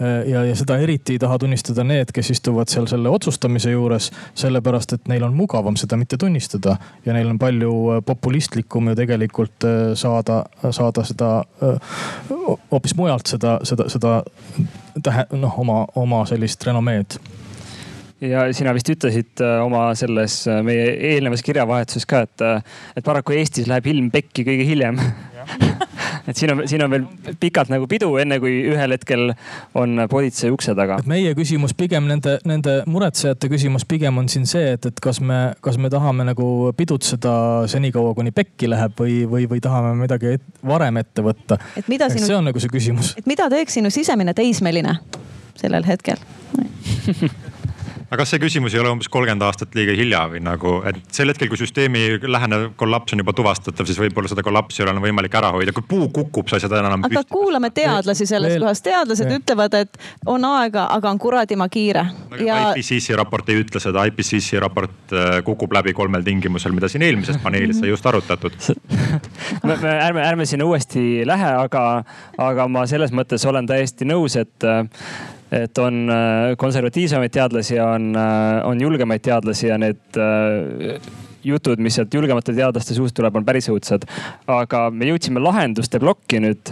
ja mul on siin üks küsimus jälle inimestele, et no ütleme, et seal katastroofi plokis me vist ikkagi jõudsime järeldusele, et katastroof on või vähemalt on tulemas väga lähedal ja, ja ja osade arvates on juba poolel teel toimumas. aga lahenduste plokis mm, mul on sihukene väide teile jälle, et lihtne jah-ei.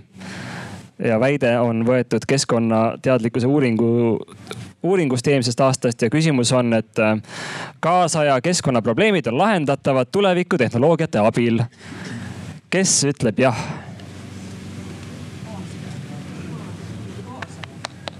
kaasaja keskkonnaprobleemid on lahendatavad tulevikutehnoloogiate abil see on, see on nüüd anomaalne, sest, äh, sest see keskkonnateadlikkuse uuring ütles. Need, mis meil hetkel on, kõik, kõik need kaasaja probleemid. Grete, loete sul, sul on nagu, sul tuleb nagu makist need äh,? kliima, elurikkus, äh, hüdrosüsteemid ja mullastik ei, osades kohtades on ta oleviku probleem ikkagi. ühesõnaga, me igatahes me saime nagu tulemuseks siit umbes üks protsent, aga selle keskkonnateadlikkuse uuringu kohaselt äh, arvas nii nelikümmend viis protsenti. ja nüüd on äh, ehk siis, et keegi leiutab energiakandja, ilmselt on see mõtteviis. no mida iganes, iganes, pole oluline, tulevikutehnoloogia.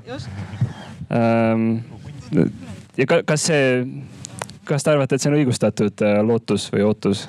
vot vot jah, et kui nagu ekstrapoleerida minevikust siiapoole, et siis, siis innovatsioon on alati äh, suurendanud ressursside tarbimist, mitte kunagi vähendanud, et, et seni nagu inimkond seni ei ole seda väidet suutnud tõestada. et uh, uus innovat-, innovaatiline lahendus teeb probleeme vähemaks, vähemalt mis puutub nendesse probleemidesse, mis, mida me just mainisime, on innovatsioon teinud alati hullemaks ehkki täna tegelikult noh, et jällegi jätkuvalt on, on lahendusi, on ka täna teaduspõhiseid lahendusi millega saaks väga paljusid probleeme tegelikult leevendada ka. mõte on ka vist selle väites, ma oletan, see on nüüd natuke selline dialektiline või, või ühesõnaga, et. mina sina need, koostasid selle uuringu. tänased, ei. või sa analüüsisid. et, et kahjuks jah, nii palju sinnamaani ma ei, ma ei jõudnud. aga et see mõte vist on see, et need tänased probleemid on tulevikus ka veel noh, et need ei kao vahepeal nagu ära, et, et jah. No mulle tundub, et me võiksime proovida ka nagu muid asju teha, sest see on ähm, kantud nagu sellisest asjast, et küll mingi asi lahendab ära probleemi, aga samas jätkates nii nagu me jätkame, muudkui süvendame nagu seda probleemi.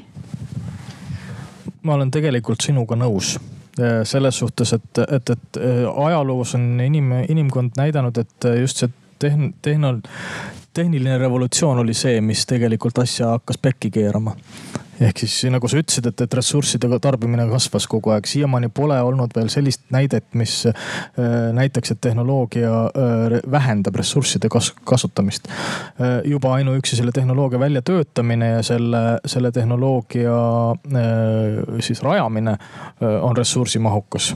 olgugi ta võib olla väga vähe ressursimahukas, aga ta kasutab ressursse. ja, ja, ja tihtipeale mängitaksegi sellega, et, et võrreldakse seda uut tehnoloogiat olemasolevaga, et see kasutab vähem ressursse, aga tegelikult see tuleb ju sellele olemasolevale veel otsa. ometigi nagu Arvamusfestivali üleselt, ma arvan, et see see nagu optimism peab paika, sest ma kõikides nendes aruteludes, mis ma olen käinud, pooltes on mainitud seda, et tehnoloogia päästab. üks neist oli presidendi arutelu. aga sealt on veel üks kommentaar võib-olla sel teemal. ja et äh, võib-olla ma lisaks ühe valiku no vastase variandi, et äh, mille poolt ma ise jätaks, on ju, et äh, tulevikud tehnoloogiad küll võib-olla lahendavad neid probleeme, aga selleks ajaks, kui need tehnoloogiad on olemas või, või kättesaadavad üldse no inimkonnale, siis selleks ajaks on juba asjad üsna pekkis. Nojah, kas ta siis on lahendus? Tegelikult minu arust äh, nagu lahendust et ähm, selles suhtes ma, ma nagu tuleks tagasi sellele, selle momendi juurde, et, et kas juba on asjad äh, nii kaugel, et puu juba kukub, et, et kas on juba pekkis, et tegelikult ma arvan, et, ähm, et äh, suures osas me peaksime hakkama küll äh, juba selle kohanemise või siis, või siis sellega tegelema, et, et kuidas me selle kõigega hakkama saame. see peaks olema esmane, esi, esimene tegevus, mille, mille suunas me peaksime liikuma, et kuidas no, kohanemise strateegiaid igasuguseid tehakse küll ja veel, aga siiski nad on praegusel hetkel väga marginaalsed ja väga vähe mõtlevad selle peale, et reaalsuses ka midagi, nii hulluks läheb. et, et ma arvan, et see kohanemise teema peaks olema esmane. ja, ja seda peaks tegelikult sel, selle juures peaks mõtlema, et, et kui palju saaks ikkagi hakkama olemasolevaga ja kui palju peab ikkagi siis mingit uut tehnoloogiat välja mõtlema, sest pigem, pigem on see te, uue tehnoloogia väljamõtlemine või uue tehnoloogiasse suundumine minu arvates teisese tähendusega kui, kui see, et, et, et, et et me õigel ajal oleksime valmis see, see on kindlasti nagu omaette terve äh, arvamusfestivali teemalava, ma arvan, et tehnoloogia ja loodus äh,. sest seal on veel üks argument, et, et see innovatsioon, mille poole me nagu vaatame, seda on juba hästi palju ka toimunud, et võib-olla me oleme juba nagu platoo peal, et, et enam edasi ju ei lähegi hästi. aga võib-olla siia ploki lõppu ma arvasin, et sa küsid seda, mida sa kunagi meie omavahelises jutus äh, kirjeldasid, et, et valik siis, et tea, teades nüüd seda, millest me oleme siin kirjeldanud, et kuidas praegune süsteem on sihukene natukene enesetapjalik. et äh, kui teil on valik, nagu sa kirjeldasid oma mingisuguses tekstis, et, et kui peaks nüüd valima, siis kaks valikut Äh, niimoodi küsimus siis, et äh, enda elu peale mõeldes, et kas hoida oma mugavustaset ja olla teadlik raiskaja või avada silmad ja teha omale selgeks tegelikud esmavajadused ning loobuda suuremast osast ülejäänust. ehk siis, kes tahab olla teadlik raiskaja? mõni, ja väga hea. ja teised siis tahavad avada silmi või on juba avanud silmi kes, kes, kes on sellega ka hakkama saanud, silmade avamisega mingil määralgi? ja väga hea. mul on üks silm lahti mina isiklikult veel ei ole hakkama saanud, kaugeltki mitte. mul plaan on, aga, aga kaugel veel. ehk siis tegelikult ma olen endiselt oma ego lõksus. aga siin on see küsimus, et kuidas teha see valik inimeste jaoks kuidagi kergemaks, atraktiivsemaks, et eile oli arutelu meil tasaarengu teemal, mis on sihukene majandusmudel, mis ei ole ehitatud kasvule. ja seal pakuti välja üks idee, et et ärme tee inimestele nagu illusiooni, et see on midagi lihtsat ja vahvat, et lähed, sõidad lihtsalt autoga maale ja siis teed ukse lahti ja siis loodus tuleb ja kallistab sind, onju. loodus paneb sulle oksaga näkku ja siis paneb veel mingisuguse pinnu jalga ka. Ja, aga siis tuli sealt nagu lahendus, et aga teemegi sellest väljakutse et sa ei, sa ei, sa ei tahagi seda vastikult mugavat linnaelu, kus kõik on nii lihtne, tehakse ette ära, vaid sa lähed ja rügad seal maal ja sa saad ise selle porgandi maast. mulda lendab ja äh, nojah, see, ma kardan, et see, see nihukese väljakutsena ta väga ei toimi, kui, sest et kui vaatad praegu, mis toimub Eestis edasi, endiselt linnastumine meil kasvab. et äh, Harjumaal äh, ja, ja Tallinna ümbruses elab juba äh, enam peaaegu, peaaegu pool inim-, pool Eesti, Eesti inimestest. et tegelikult, ähm, aga mida ma tahtsin öelda, on see just, et, et seesama tajumine või arusaam, mis on sinu võimed, millis, millest sa suudad ise üle olla, mis, millise osaga loodusest sa suudad nagu ise hakkama saada? Siis sellele vastavalt tegelikult tuleks nagu ka oma sihid seada. et kui sa hakkad, kui, kui sul, kui tuleks esmase, esimese asjana läbi mõelda see, et äh, kui palju ma saan Äh, praegu väljastpoolt, kui palju ma saan poest midagi, kui palju ma saan kuskilt äh, mujalt mingit energiat, kui palju ma saan mingit muud abi äh, oma, oma selle heaolu jaoks? Sest tegelikult on kaks, kunagi üks bioloogilise mitmekesisuse konventsiooni endistest peasekretäridest ütles aastal kaks tuhat kümme, et et oli kaks suurt ohtu maailmas, üks on vaesus ja teine on heaolu et, et tegelikult see vaesus on just see oht äh, loodusele siis ja elu, elurikkusele. on see, et, et, et on, on suured ähm, kogukonnad, kes siis äh, ainult elatuvad loodusest. ja, ja kui nad on äh, suured, siis nad tegelikult ühe ala söövad piltlikult öeldes tühjaks ja kolivad järgmisele ja võtavad järgmise ette. selle jalajälg on palju väiksem kui see, et mis on heaolu, ehk siis kus tegelikult on kõik suunatud ainult heaolu järjest parandamisele ja kasvule ja eesmärk ongi see. ja selle jalajälg on palju suurem, aga selle taju üksikindiviidide puhul on palju väiksem ehk siis, et kas see jalajälg on olemas või mitte, sest et enamasti ei arvutata pooli asju, isegi kümne, kümnendik ainult arvutatakse oma jalajälge, et, et minu, minu, ma olen väga ökoloogiline, öeldakse, et ma olen väga ökoinimene, aga tegelikkuses unustatakse ära kõik üheksakümmend protsenti tegelikult sellest, mis su jalajäljes on mulle tundub, et praegu noh, mis on läinud paremaks, on see, et me oleme hakanud järjest rohkem sellest rääkima ja kui see noh, nagu teadmine muutub äh, avalikuks ja, ja kui julgetakse neid teemasid päriselt üles tõsta, siis äh, tekib ka noh, ei ole enam nii imelik, et okei okay,, ma natuke vähendangi võib-olla oma tarbimist ja, ja teen muid otsuseid siin ka aitäh Arvamusfestivalile, kes tuleviku teema ja keskkonnateemad nagu tõstis fookusesse see aasta. ja jah, ma lihtsalt selle sama teema kommentaariks tahaks öelda seda, et mul on nagu tunne, et, et noh, et kui kriis, noh, me teame, et ta nagu tuleb, eks ju, et võib-olla oleks, mis oleks nagu mõistlik, et me mõtleme, et noh, et, et, et võib-olla paljud inimesed mõtlevad, et on tore, kui sul on see koht kusagil, kus olla, aga võib-olla kõige rohkem, mida meil on vaja, on teadmisi. et praegu on võimalik võib-olla omandada neid teadmisi, mida on vaja siis, kui, kui meil ei ole enam võib-olla infokandjaid et äh, ma olen mõelnud, et, et võib-olla ühel hetkel, et tegelikult ja ma olen mõelnud, tegelikult see on täitsa ootamatu mõte, ma olen kogu aeg arvanud, et hästi tähtis on, on omada reaalvaldkonna teadmisi ja võib-olla siis nagu põllumajanduslikke teadmisi ja nii edasi. aga et ma arvan, et ühel hetkel, mis muutub hästi tähtsaks, on äh, kaunid kunstid.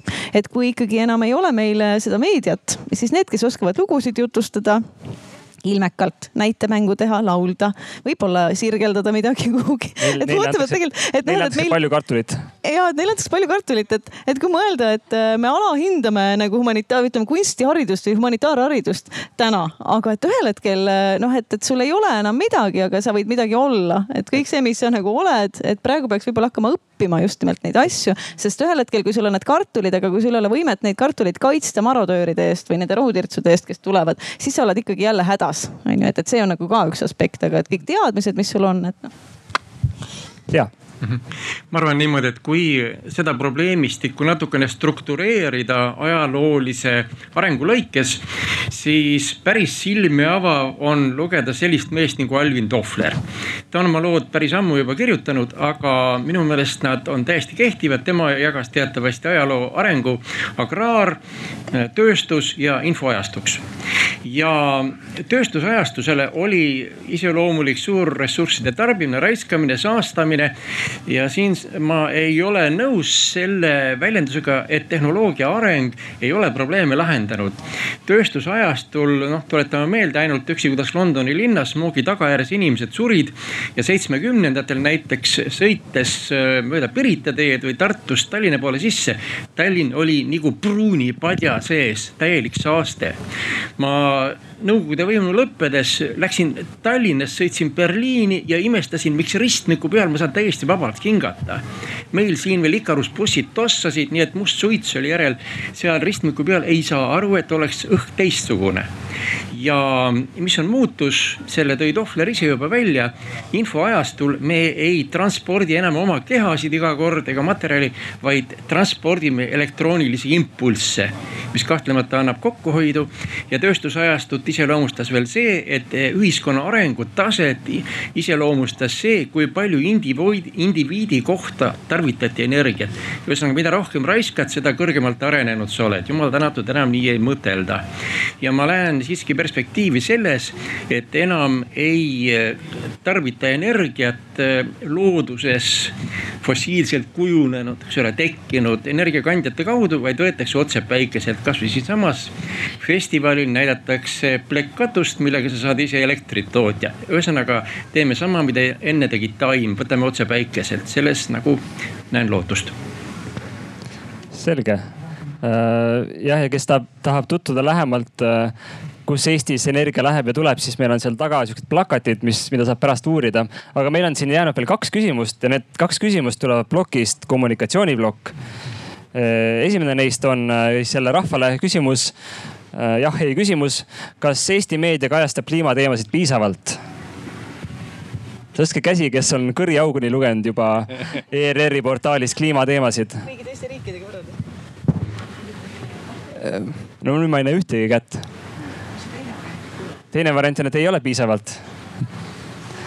aa, nojah, okei okay,, et kõik selge, selge, kõik ootasid äh, seda teist küsimust, varianti äh,. see on väga huvitav, ma ise ka üritan jälgida ja olles keskkonnaorganisatsioonis äh,, siis meedia monitooringu kaudu minuni jõuavad vahepeal igasugused huvitavad lood äh, aga mitte, mitte liiga tihti ja tihtilugu ma pean kirjutama toimetajale, et, et jah, te rääkisite siin äh, katastroofist, aga ainult kolm lauset, et see, kas see ei vääri rohkem Ehm, ja samas ma näen, et Õhtuleht on näiteks hakanud kasutama juba mitte terminit kliimamuutus, vaid kliimakriis.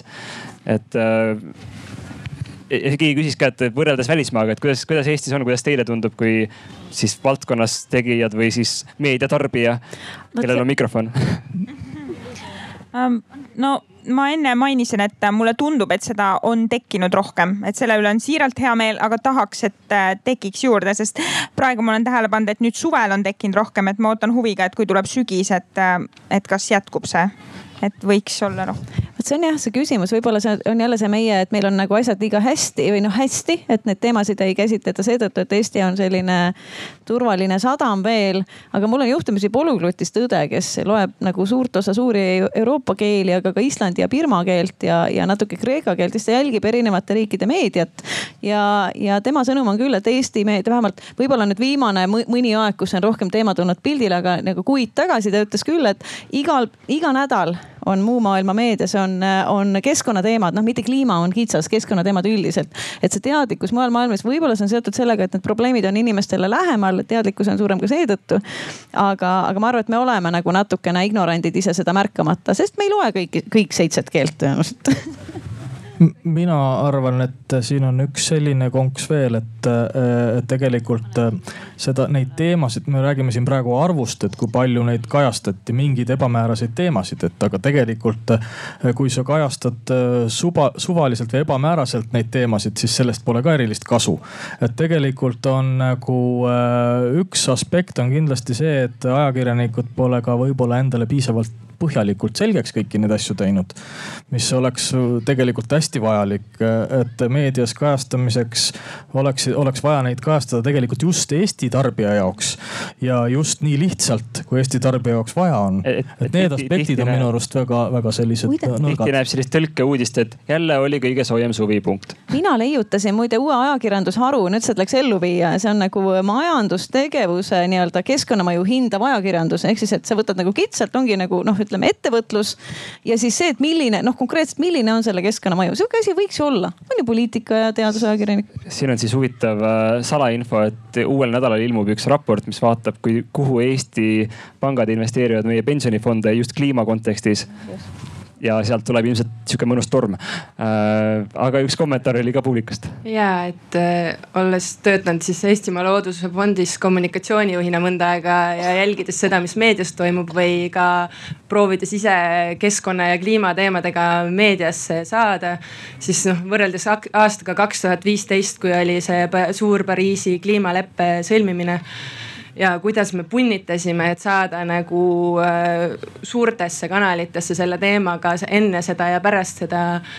ja noh võrreldes selle ajaga, mis toimub, mis on siin vahepeal veel üle käinud, oli, eks ole, suur see metsanduse ähm, torm, et hästi palju räägiti metsandusest ja metsadest ja endiselt räägitakse, siis nüüd on nagu väga jällegi näha seda, et, ähm, et kliima on nagu see teema, alates siis sellest tegelikult IPCC raportist on seda veel minu arust eriti palju näha ja see, kui palju lihtsam on praegu kliimateemadega äh, ajakirjanike tähelepanu saada, noh, see on nagu võrreldamatu aastaga kaks tuhat viisteist aga muidugi need, seal nende artiklite sisud on ühele poole ja teisele poole, et väga palju leiab ka neid, kes on väga skeptilised kogu selle. ja ma eile unejutuks lugesin, lugesin endale Peeter Espaki artiklit kliimateemal ja mõtlesin, et äh, võib-olla tea otseselt vastusena talle, aga üldse kliimaskeptikutele, et ma juba tükk aega oma peas haun artiklit, mille pealkiri oleks midagi sellist, et ma loodan, head kliimaskeptikud, väga loodan siiralt, et teil on õigus.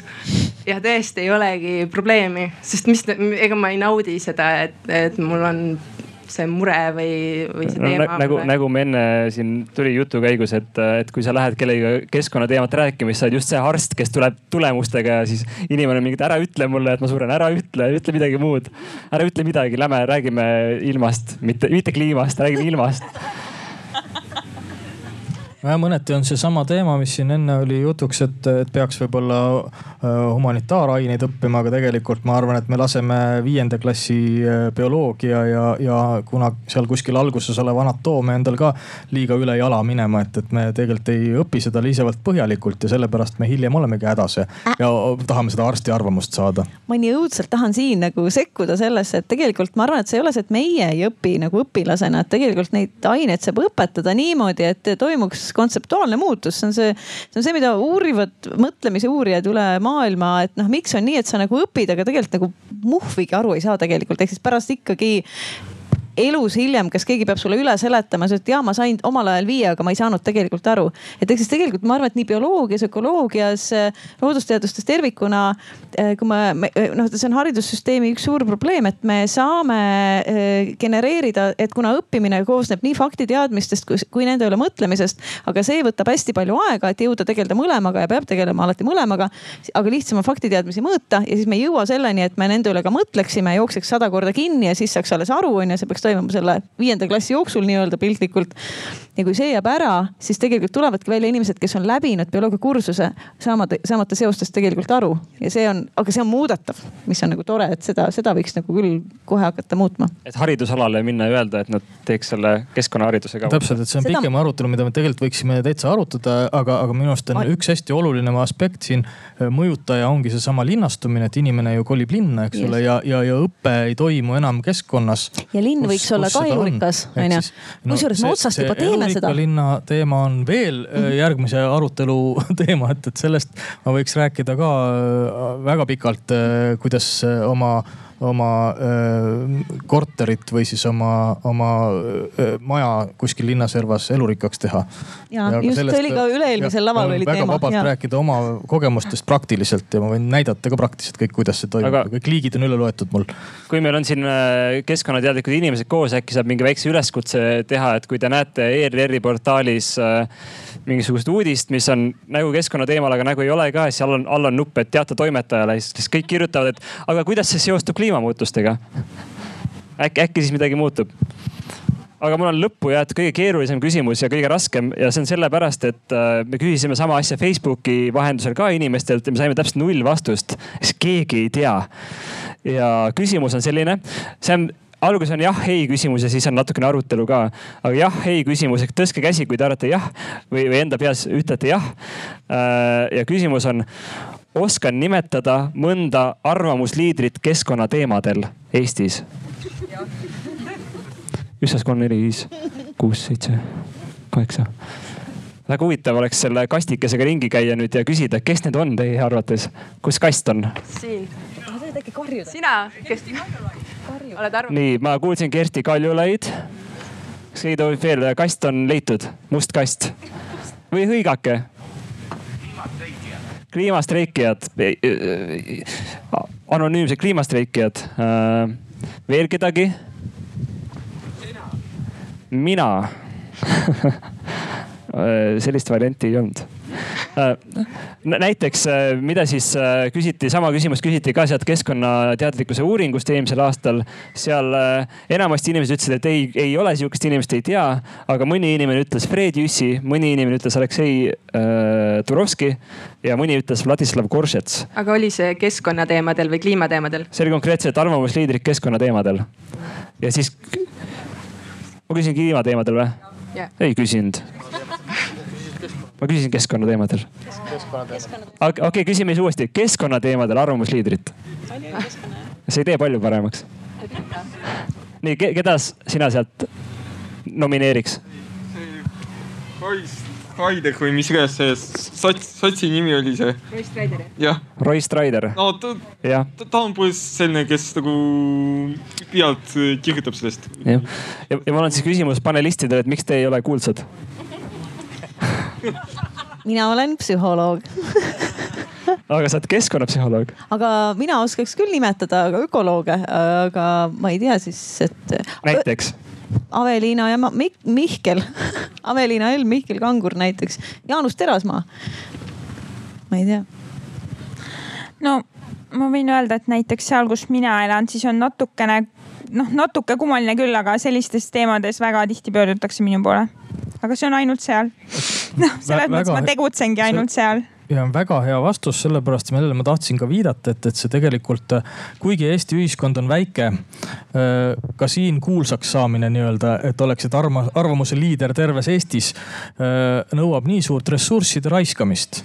et tegelikult mina näiteks seda ei taha et äh, kui, kui kõik arvutada kokku kõik needsamad telesaated ja asjad, mis ressurss sinna kõik läheb.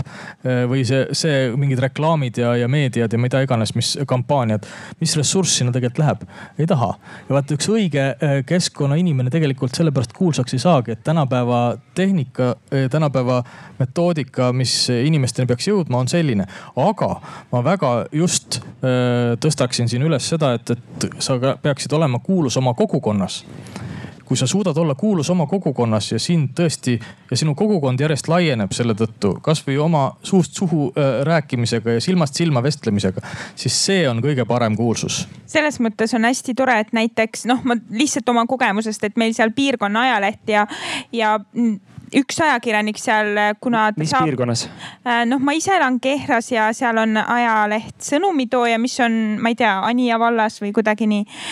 ja, ja seal ka kajastatakse küll nagu keskkonnateemat, sest ma lihtsalt kas kirjutan arvamust või jälle teen midagi ja nad kajastavad, me tegime MTÜ ja siis eh, need teemad lihtsalt noh, seal on. ja noh, öeldakse imelik, aga mis siis aga äkki ikkagi jah, see küsimus, et miks siis ei ole meil selliseid arvamusliidreid? et mul eh, sellele küsimusele on hea vastus, seda head vastust ma ei tea. aga ma tean halba vastust Äh, ja äkki üks on see, et kuna, et üks asi noh, et, et, et keskkonnateemade mõistmine eeldab üsna palju eelteadmisi, et, et selleks, et päriselt saada aru äh, võib-olla siis sellised nagu teadusliku teksti mõttest seal on üsna palju eeldusi, mis sellel sõnumitoojal või, või ökoloogil või, või teadlasel, kliimateadlasel on, aga kuulajal ei ole ja kui tal neid ei ole, siis tegelikult ta ei, see info ei tundu huvitav. et info muutub huvitavaks siis, kui sul on piisavalt eelteadmisi, aga seni, kuni neid ei ole, ei ole see huvitav ja kui nagu, nagu me oleme rääkinud, et haridus on meil fail inud eelteadmiste andmisega. selliste, mis moodustaks sellise sidusa koherentse pildi, mis puh, aktiveerub, keegi ütleb kliima, puh, mul aktiveerub kohe põmmaki, kõik, ahah, hästi põnev on ju, anna peale. et kuna ei aktiveeru, jälle see igav jutt on ju, seal on mingid võõrsõnad, et noh, et ja kuna kliimateadlane ise ei saa minna ja hakata seda õpetajate tööd iga üksiku inimesega järele tegema, et siis, siis äkki seal on üks, üks mure, aga meil võiks olla tegelikult ikkagi ühiskonnas väärtustatud ka teaduse kommunikeerijad, nii nagu mujal maailmas on, on teadlased ja siis on need teadlased, kes võib-olla ei tee enam nii palju teadlas, teadust, on ju, ma psühholoogiast tean, et aga nad on ka need, kes julgevad minna šotile viskuda, siis seda kommunikeerida hästi palju. sellepärast on inimestel hämmastavad teadmised astroloogiast ast astronoomiast, vabandust, astronoomiast, sest sul on mingisugused äh, Neil deGrasse Tysonid, kes käivad ja räägivad sellest nii huvitavalt. et kõik on mingid jaa, kauged galaktikad, aga sa ei tea, on ju, mis sul endal hoovis toimub äh,. aga võib-olla siit ongi see lõpusõnum, et äh, mulle ka tegelikult meeldib see kogukondlik lähenemine, et, et seesama keskkonnahügieen, et kui seda ikkagi nagu juurutada et, et me kõik äh, oleks rohkem teadlikud sellest, mida me teeme nii isiklikul tasandil, aga eelkõige süsteemsel tasandil, et, äh, et meie eelmised arutelud lõppesid siin ikkagi sellega, et äh, kodaniku allumatus on, on laua, laual ja seda tuleb rakendada. et siis me vähemalt kõik saaks aru, miks seda tehakse ja et me saaks aru, et, et kliimamuutus ei olegi võõras mure, vaid on ka meie mure. võib-olla küll mitte veel täna, aga homme kindlasti ja tark oleks juba täna hakata valmistuma selleks. Äh, on teil veel lõpusõnu? Äh, ma tegelikult ähm, lisaks veel sellele, et, et ainult teadmised tegelikult ei ole ka veel see oskus rääkida peab, peab ka olema, ehk siis oskus seda edasi anda. ja see enamasti ongi, jääb tihtipeale selle taha, et, et selle, seda ajahetke, äh, millal sa seda anda saad, seda, see on nii lühike, seda aega. Äh, meie kommunikatsioon on lihtsalt vaja, ütleb sulle, et, et nii vähe aega on selleks. et need keerulisi teemasid ei ole võimalik kahe sõnaga edastada ja sellepärast on see kogukonnas suhtlemine just hästi oluline, et kogukonnas on sul tavaliselt aega. ja kogukonnast kogukonda käimine nii-öelda. tõenäoliselt meil saabki olema ühel hetkel, see on jälle see kohanemise teema. kui meil ikkagi kukuvad ära kõik kommunikatsioonivahendid, meil enam ei ole internetti, meil ei ole enam neid vahendeid, mis võimalused on, me peamegi käima kogukonnast kogukonda ja rääkima. kuule, mina tegin niimoodi. see on palju püsivam, vaata, ma juba mitu aastat teen niimoodi, et näed. ja, ja, ja teine siis võtabki vastu ja ahaa ja ma teen ka et tegelikult ma arvan, et see on nagu, on nagu selline ja, ja üks aspekt veel, mis ma enne tahtsin öelda Eesti kohta. et Eesti võiks olla väga suur. me oleme rääkinud siin, et, et, et, et Eesti on nii väike võrreldes Hiina ja, ja, ja USA ja kõigega, et, et meie ei ole ju mitte keegi, et mis. me saaksime tegelikult olla just väga suur eeskuju tänu sellele, et, et meie maatükil on just nii palju inimesi, kui meil on ja, ja meil on samal ajal siin nii palju loodust, kui meil seda on. ehk siis tegelikult meil on kõik need võimalused olemas olla äh, tõeline eeskuju selleks, äh, kuidas on võimalik kestlikult elada äh, me saaksime seda väga lihtsate vahenditega, ilma suurte kulutusteta tegelikult maailmale näidata. aga see vajab lihtsalt jällegi kommunikatsiooni, see vajab neid samu eestkõnelejaid, see vajab kokkulepet ma torkan siia vahele, et äh, kes nüüd tundis, äh, avastas, et on sihuke nišš täitmata, et olla keskkonnastaar, siis iga reedel toimuvad siuksed kõnetreeningud äh, Tallinnas Toompeal, Tartus Raekoja platsis kell kaksteist.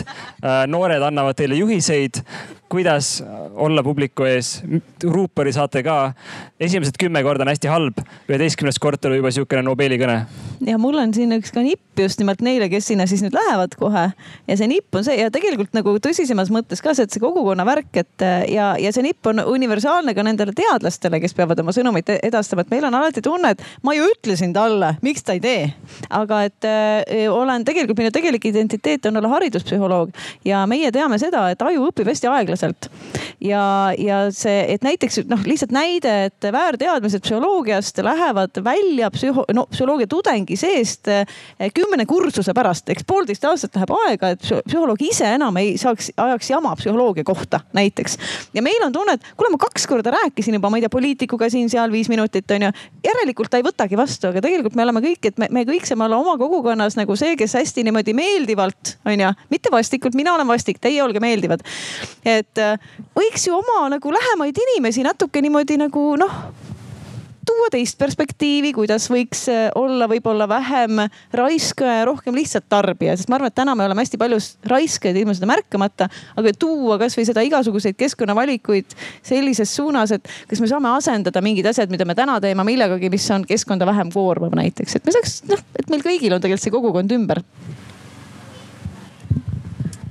see oleks väga lahe ehk siis mulle jäi siit kõlama see, et äh, kui teemapüstitus algselt oli, et äh, kliimamuutused, kas võõras mure, siis tundub, et nüüd on kliimamuutused meie võimalus siin näidata teed, et kas, kas me Eestis saame ka nagu kogukonna tasandil või meie ühiskonna tasandil seda muutust äh, luua, et, et eriti, see kõlab eriti hullult, et seda tegi riik, kellel endal ei olnudki veel kõik pekkis. vesi ei olnudki, vesi ei olnudki veel kõik otsas, põlevkivi ei olnudki veel kõik põletatud ja juba nad hakkavad siin mingit rohehüpet tegema, et see oleks väga äge tõesti. just äh, sellise positiivse sõnumiga võibki selle hea kliimaala vist täna kokku tõmmata. ja muidugi äh, kui te olete ära plaksutanud, siis te lähete välja sealt kivi tagant, sest äh, tõesti need allkirjad on meile väga olulised, et äh, et alustada seda ühiskonna transformatsiooni, et praegu see seisab paari kännu taga, mis on mingid vanad arengukavad. aga nende muutmine on täiesti võimalik. aitäh teile tulemast ja nautige siis veel viimaseid arutelusid täna. ja ka teie